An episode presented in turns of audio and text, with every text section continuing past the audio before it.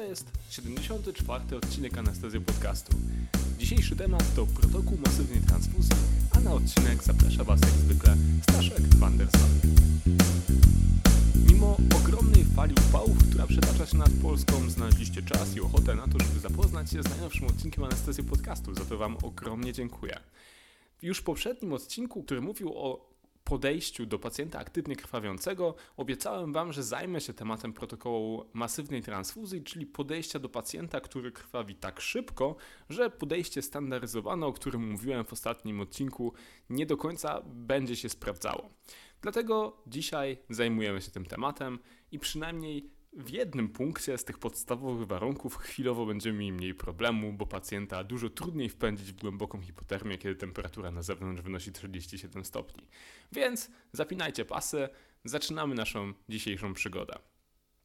Zanim zaczniecie słuchać tego odcinka, jeśli jeszcze tego nie zrobiliście, zachęcam Was do zapoznania się z poprzednim odcinkiem Anastazjo Podcastu, gdzie mówiłem właśnie o podejściu do pacjenta aktywnie krwawiącego, bo wiele z tych podstawowych wiadomości dotyczących krwawienia i krzepnięcia i, i podstawowych warunków krzepnięcia to są bardzo ważne informacje, których dzisiaj już nie będę powtarzał. Także te dwa odcinki właściwie tworzą pewną całość i warto jest zapoznać się z nimi w takiej kolejności, w jakiej je nagrywałem.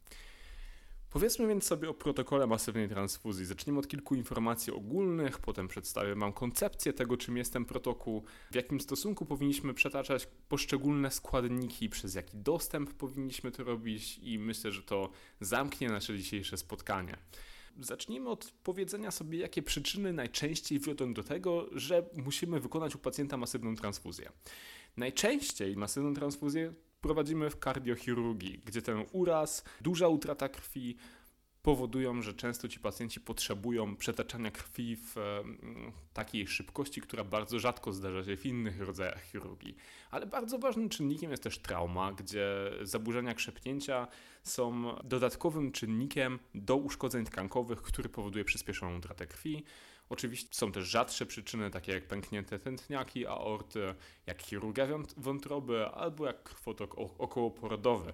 Jeśli chodzi o definicję masywnej transfuzji, to definicja ta często jest niejasna i retrospektywna.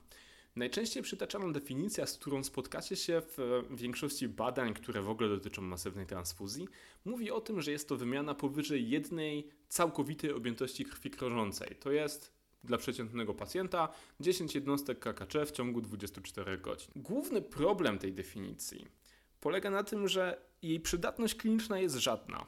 Dlaczego? Dlatego, że kiedy zaczynam toczyć krew pacjentowi, nie wiem, ile przetoczę mu w ciągu 24 godzin. Więc nie pozwala mi ta definicja podjąć prospektywnej decyzji o tym, czy mam wdrożyć konkretne postępowanie, czy mam przetaczać masywnie, czy mam przetaczać e, na podstawie badań, które robię. Najwyżej ta definicja pozwoli mi ocenić wstecznie za 24 godziny od teraz, czy ten pacjent, którego ja leczyłem, wymagał masywnej transfuzji, czy nie.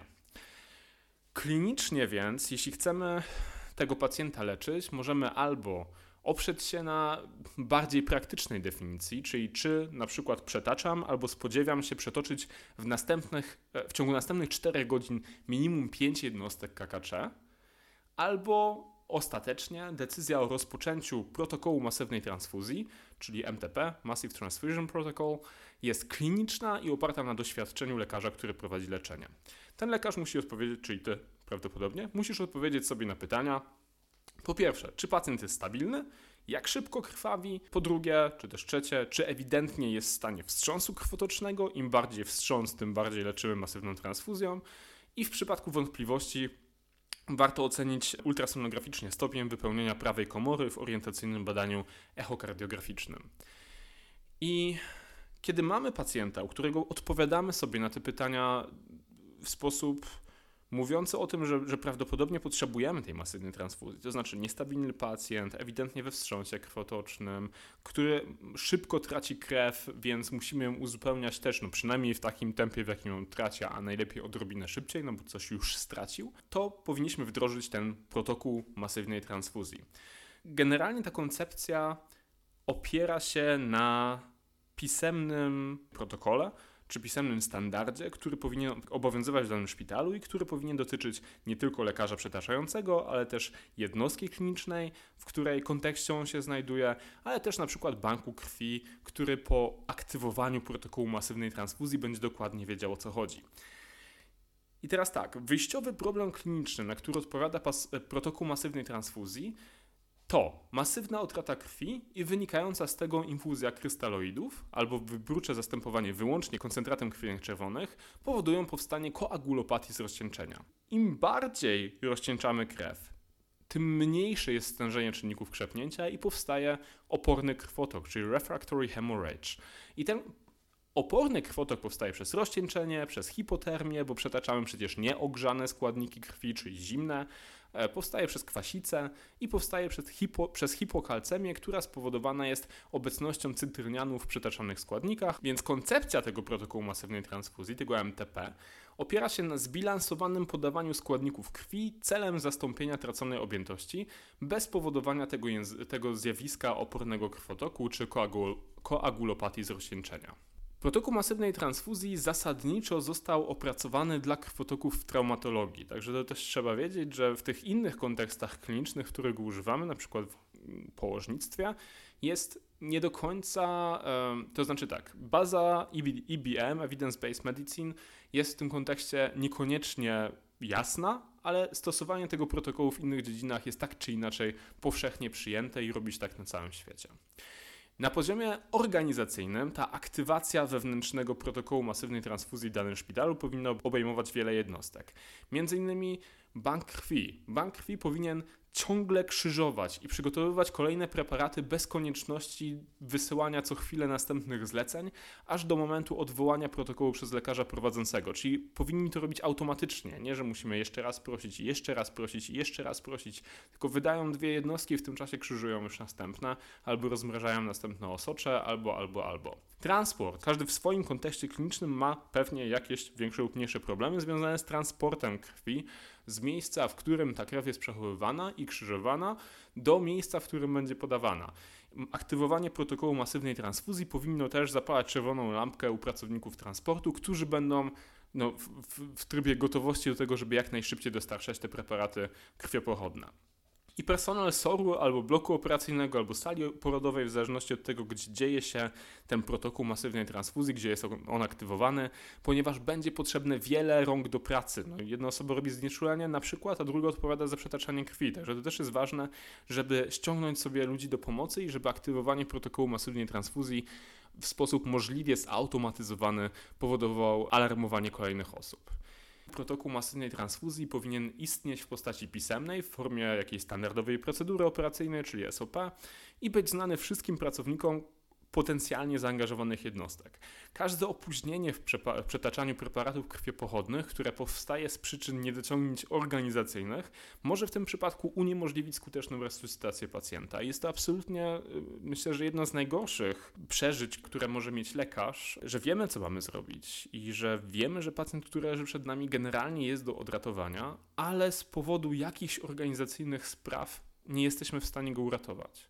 Szczególnie, że przypadki traumatologiczne, w których potrzebne jest masywne przetoczenie krwi, to są przypadki, które często dotykają relatywnie młodych i relatywnie mało obciążonych osób. Te osoby oczywiście wskutek wykrwawienia się mogą zginąć, natomiast naszą rolą jest również to, jako anestezjologów, żebyśmy zapewnili sobie takie warunki pracy, a więc również takie warunki organizacyjne, które pozwolą w tych krytycznych sytuacjach jak najszybciej działać, tak żeby było jak najmniej osób, które po drodze z powodu nieznajomości pewnej takiej czy innej procedury, o ile w ogóle istnieje procedura, bo oczywiście może być tak, że procedura nie istnieje, że nie będą wiedziały, co zrobić o trzeciej w nocy chociażby, kiedy takie wypadki też lubią się zdarzać. Także zachęcam Was do tego, żebyście, jeśli tego nie wiecie, żebyście dowiedzieli się, czy tak, taka procedura, czy, e, czy taki protokół funkcjonuje w Waszym szpitalu jeśli nie, no to może warto się zainteresować, żeby coś takiego jednak powstało. Przejdźmy do tematu takiego już bardziej praktycznego, czyli do e, stosunku poszczególnych przetaczanych składników. Tak jak powiedziałem, ten protokół masywnej transfuzji opiera się na zbilansowanym podawaniu składników krwi. Według większości z obecnych zaleceń, kiedy już aktywujemy ten protokół masywnej transfuzji, Należy te składniki krwi przetaczać w proporcji 1 do 1 do 1, czyli koncentrat krwinek czerwonych, osocze świeżo mrożone i płytki krwi. Ewentualne odstępstwo od tej zasady są możliwe w bardzo rzadkich sytuacjach. Na przykład, kiedy macie do dyspozycji y, te metody wiskoelastyczne pomiaru krzepnięcia, na przykład właśnie rotem, to możecie skusić się na to, żeby zanim przetoczycie na przykład płytki, żeby oznaczyć jeszcze rotem i po 10 minutach macie pierwszy wynik, który mówi wam płytki są potrzebne teraz koniecznie albo nie, jeszcze chwilę możemy poczekać. Z uwagi na opóźnienie standardowych badań laboratoryjnych, generalnie przy podejmowaniu decyzji nie należy się nimi kierować, chyba że widzimy wyraźne odstępstwa, których jeszcze nie wyrównaliśmy od momentu, kiedy krew pobraliśmy. Przykład Pobraliśmy krew, wysłaliśmy na badania do laboratorium, wynik jest po 40 minutach, w tym czasie przetaczaliśmy KKC, przetaczaliśmy osocze i przetaczaliśmy płytki, ale widzimy w badaniach laboratoryjnych, że jest bardzo niski poziom fibrynogenu, no to wiadomo, że należy podać koncentrat fibrynogenu albo krioprecepitat. Jeśli mowa o fibrynogenie, to powiedzmy sobie też o fibrynogenie, bo Teoretycznie jest to składnik, o którym nie mówimy wprost w tym stosunku 1 do 1 do 1, ale wiemy, że chociażby w warunkach krwotoku położniczego, ale w traumie też, często tego fibrynogenu brakuje. Dlatego należy go wyrównywać. W osoczu świeżo mrożonym jest wprawdzie trochę fibrynogenu, ale jego zawartość nie jest wystarczająco duża. Także suplementujemy go dodatkowo, używając albo koncentratu fibrynogenu, jeśli jest dostępny, albo krioprecepitatu. Jeśli używamy krioprecepitatu, to 10 jednostek krioprecepitatu powinno podnieść poziom fibrynogenu o około 75 mg na decylitr, czyli około 0,75 grama na litr. 10 jednostek kropecypitatu to jest mniej więcej ta ilość, którą chcecie podać każdej rundzie protokołu masywnej transfuzji. Kwas tranek samowy. Generalnie w tym najoryginalniejszym pierwszym protokole masywnej transfuzji kwasu traneksamowego nie było, natomiast teraz większość szpitali, konkretnie około 60% e, szpitali w Stanach Zjednoczonych i Kanadzie, jako część swojego MTP, czyli tego protokołu masywnej transfuzji, ma kwas traneksamowy. I celem tego kwasu traneksamowego jest oczywiście hamowanie fibrinolizy. Dawkowanie, które było użyte w badaniu CRASH i które w związku z tym jest używane w tej chwili w większości protokołów, to jest 1 gram kwasu traneksamowego w bolusie, dalej następny drugi gram w ciągu 8 godzin jako wlew. Jeśli dalej jest potrzebny jeszcze kwas traneksamowy, to ten wlew powtarza się do 24 godzin, czyli później jeszcze 2 gramy przez 16 godzin następne. Następnym składnikiem, o którym powinniśmy myśleć, jest wapń i wapń podajemy koniecznie. Dlaczego? Dlatego, że większość preparatów krwiopochodnych jest konserwowanych cytrynianem, żeby zapobiec krzepnięciu i w związku z tym cytrynian, który związuje wapń i powoduje obniżenie poziomu wapnia, powoduje hipokalcemię, nie pozwala na zachodzenie całej kaskady koagulacji i psuje nam całe krzepnięcie krwi. Jak wiecie, wapń w warunkach klinicznych dostępny jest zwykle w postaci dwóch różnych preparatów. Jest to chlorek wapnia albo glukonian wapnia i dawkowanie wapnia to jest minimum 1 gram chlorku wapnia albo 3 gramy glukonianu wapnia na każde 6 jednostek przetoczonego koncentratu krwinek czerwonych. Jeśli chodzi o poszczególne rundy protokołu masywnej transfuzji, powiem Wam o tym, co stosujemy my, bo te rundy no, generalnie nie są e, do końca spójne we wszystkich protokołach, które możecie spotkać na całym świecie. Nasz protokół masywnej transfuzji akurat na samym początku został zaprojektowany do leczenia masywnego krwotoku okołoporodowego i składa się z czterech rund.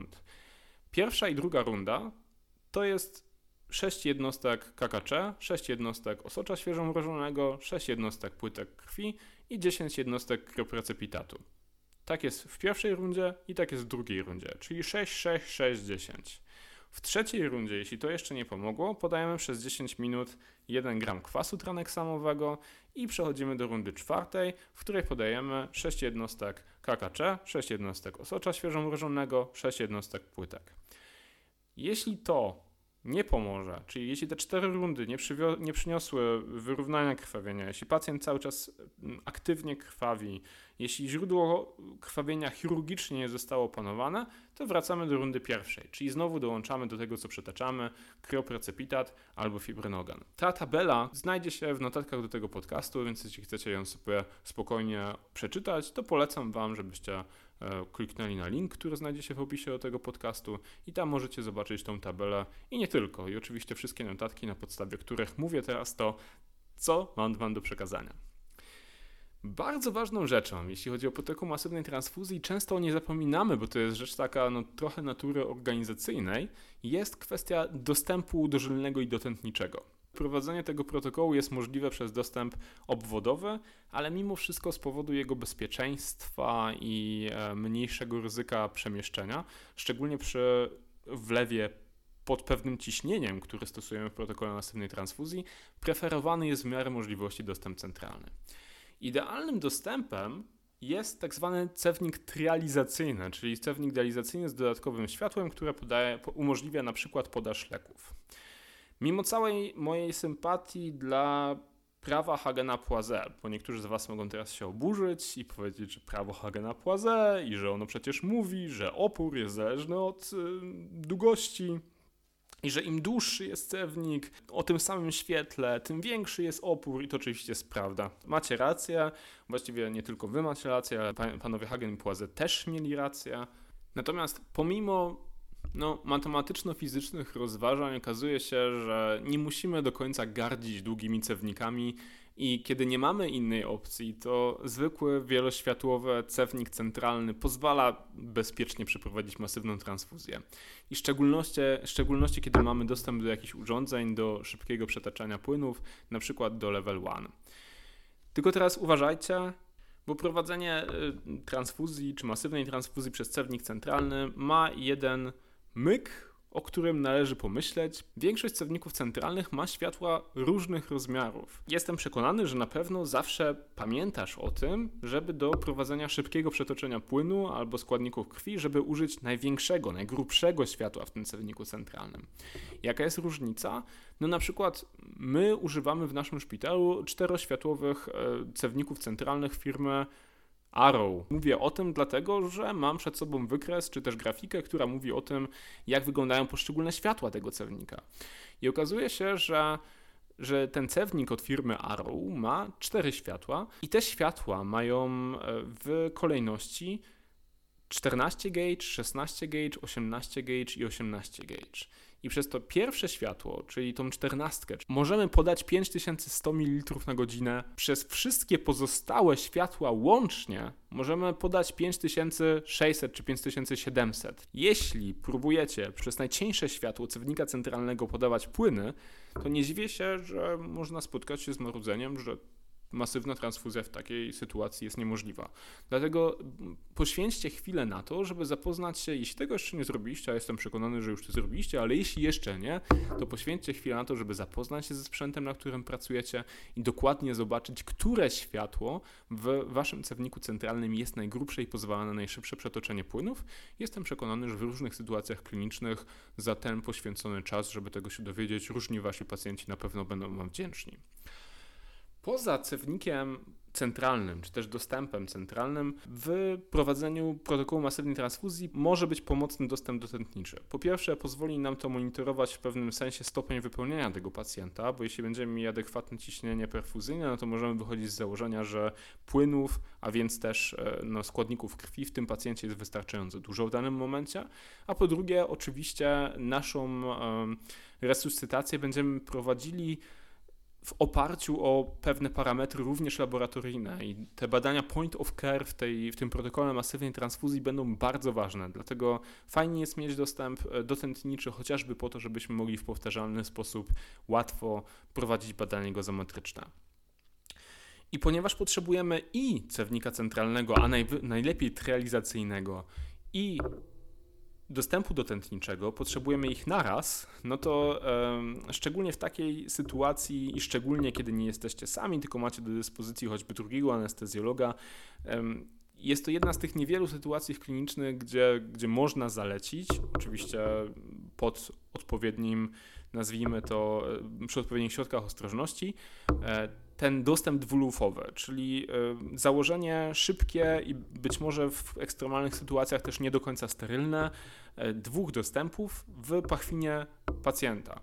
Y, z, przy jednym obłożeniu, przy jednej, z jedną głowicą USG zakłada się jeden dostęp do tętnicy, drugi do żyły udowej i wtedy mamy fajne dostępy, za pomocą których możemy prowadzić resuscytację tego pacjenta, a jak tylko uda się go wyrównać i poradzić sobie z jego podstawowymi problemami, to e, wtedy zmienia się te dostępy, czy też, czy też wyciąga się je i zakłada się dostępy, które są już e, zakładane w warunkach pełnej jałowości. Fajne w tym dostępie jest to, że jest możliwe również równoległe działanie, bo w czasie, kiedy ty zajmujesz się tym, żeby założyć dwa dostępy w pachwinie, to twój kolega czy twoja koleżanka, która stoi przy głowie pacjenta, może zająć się już tym, żeby pacjenta na przykład wprowadzić czy, czy rozpocząć indukcję znieczulenia i pacjenta zaintubować. Także to też pomaga trochę, to, że nie będziemy zakładali tego dostępu centralnego chociażby na szyi, pozwala e, na pewną optymalizację czasu w warunkach, w których ten czas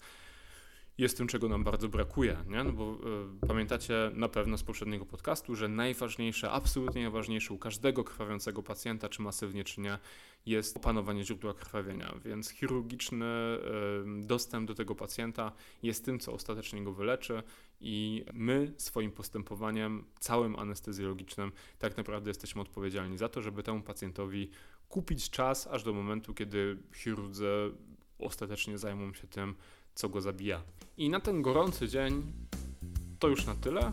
Ja teraz idę się schłodzić, a Wam życzę wszystkiego dobrego w kolejnym miesiącu i słyszymy się w kolejnym tematycznym odcinku Anestezy Podcastu pod koniec, a właściwie drugiej połowie lipca, czyli 19 lipca.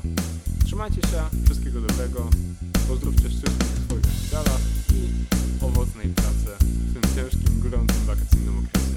Cześć!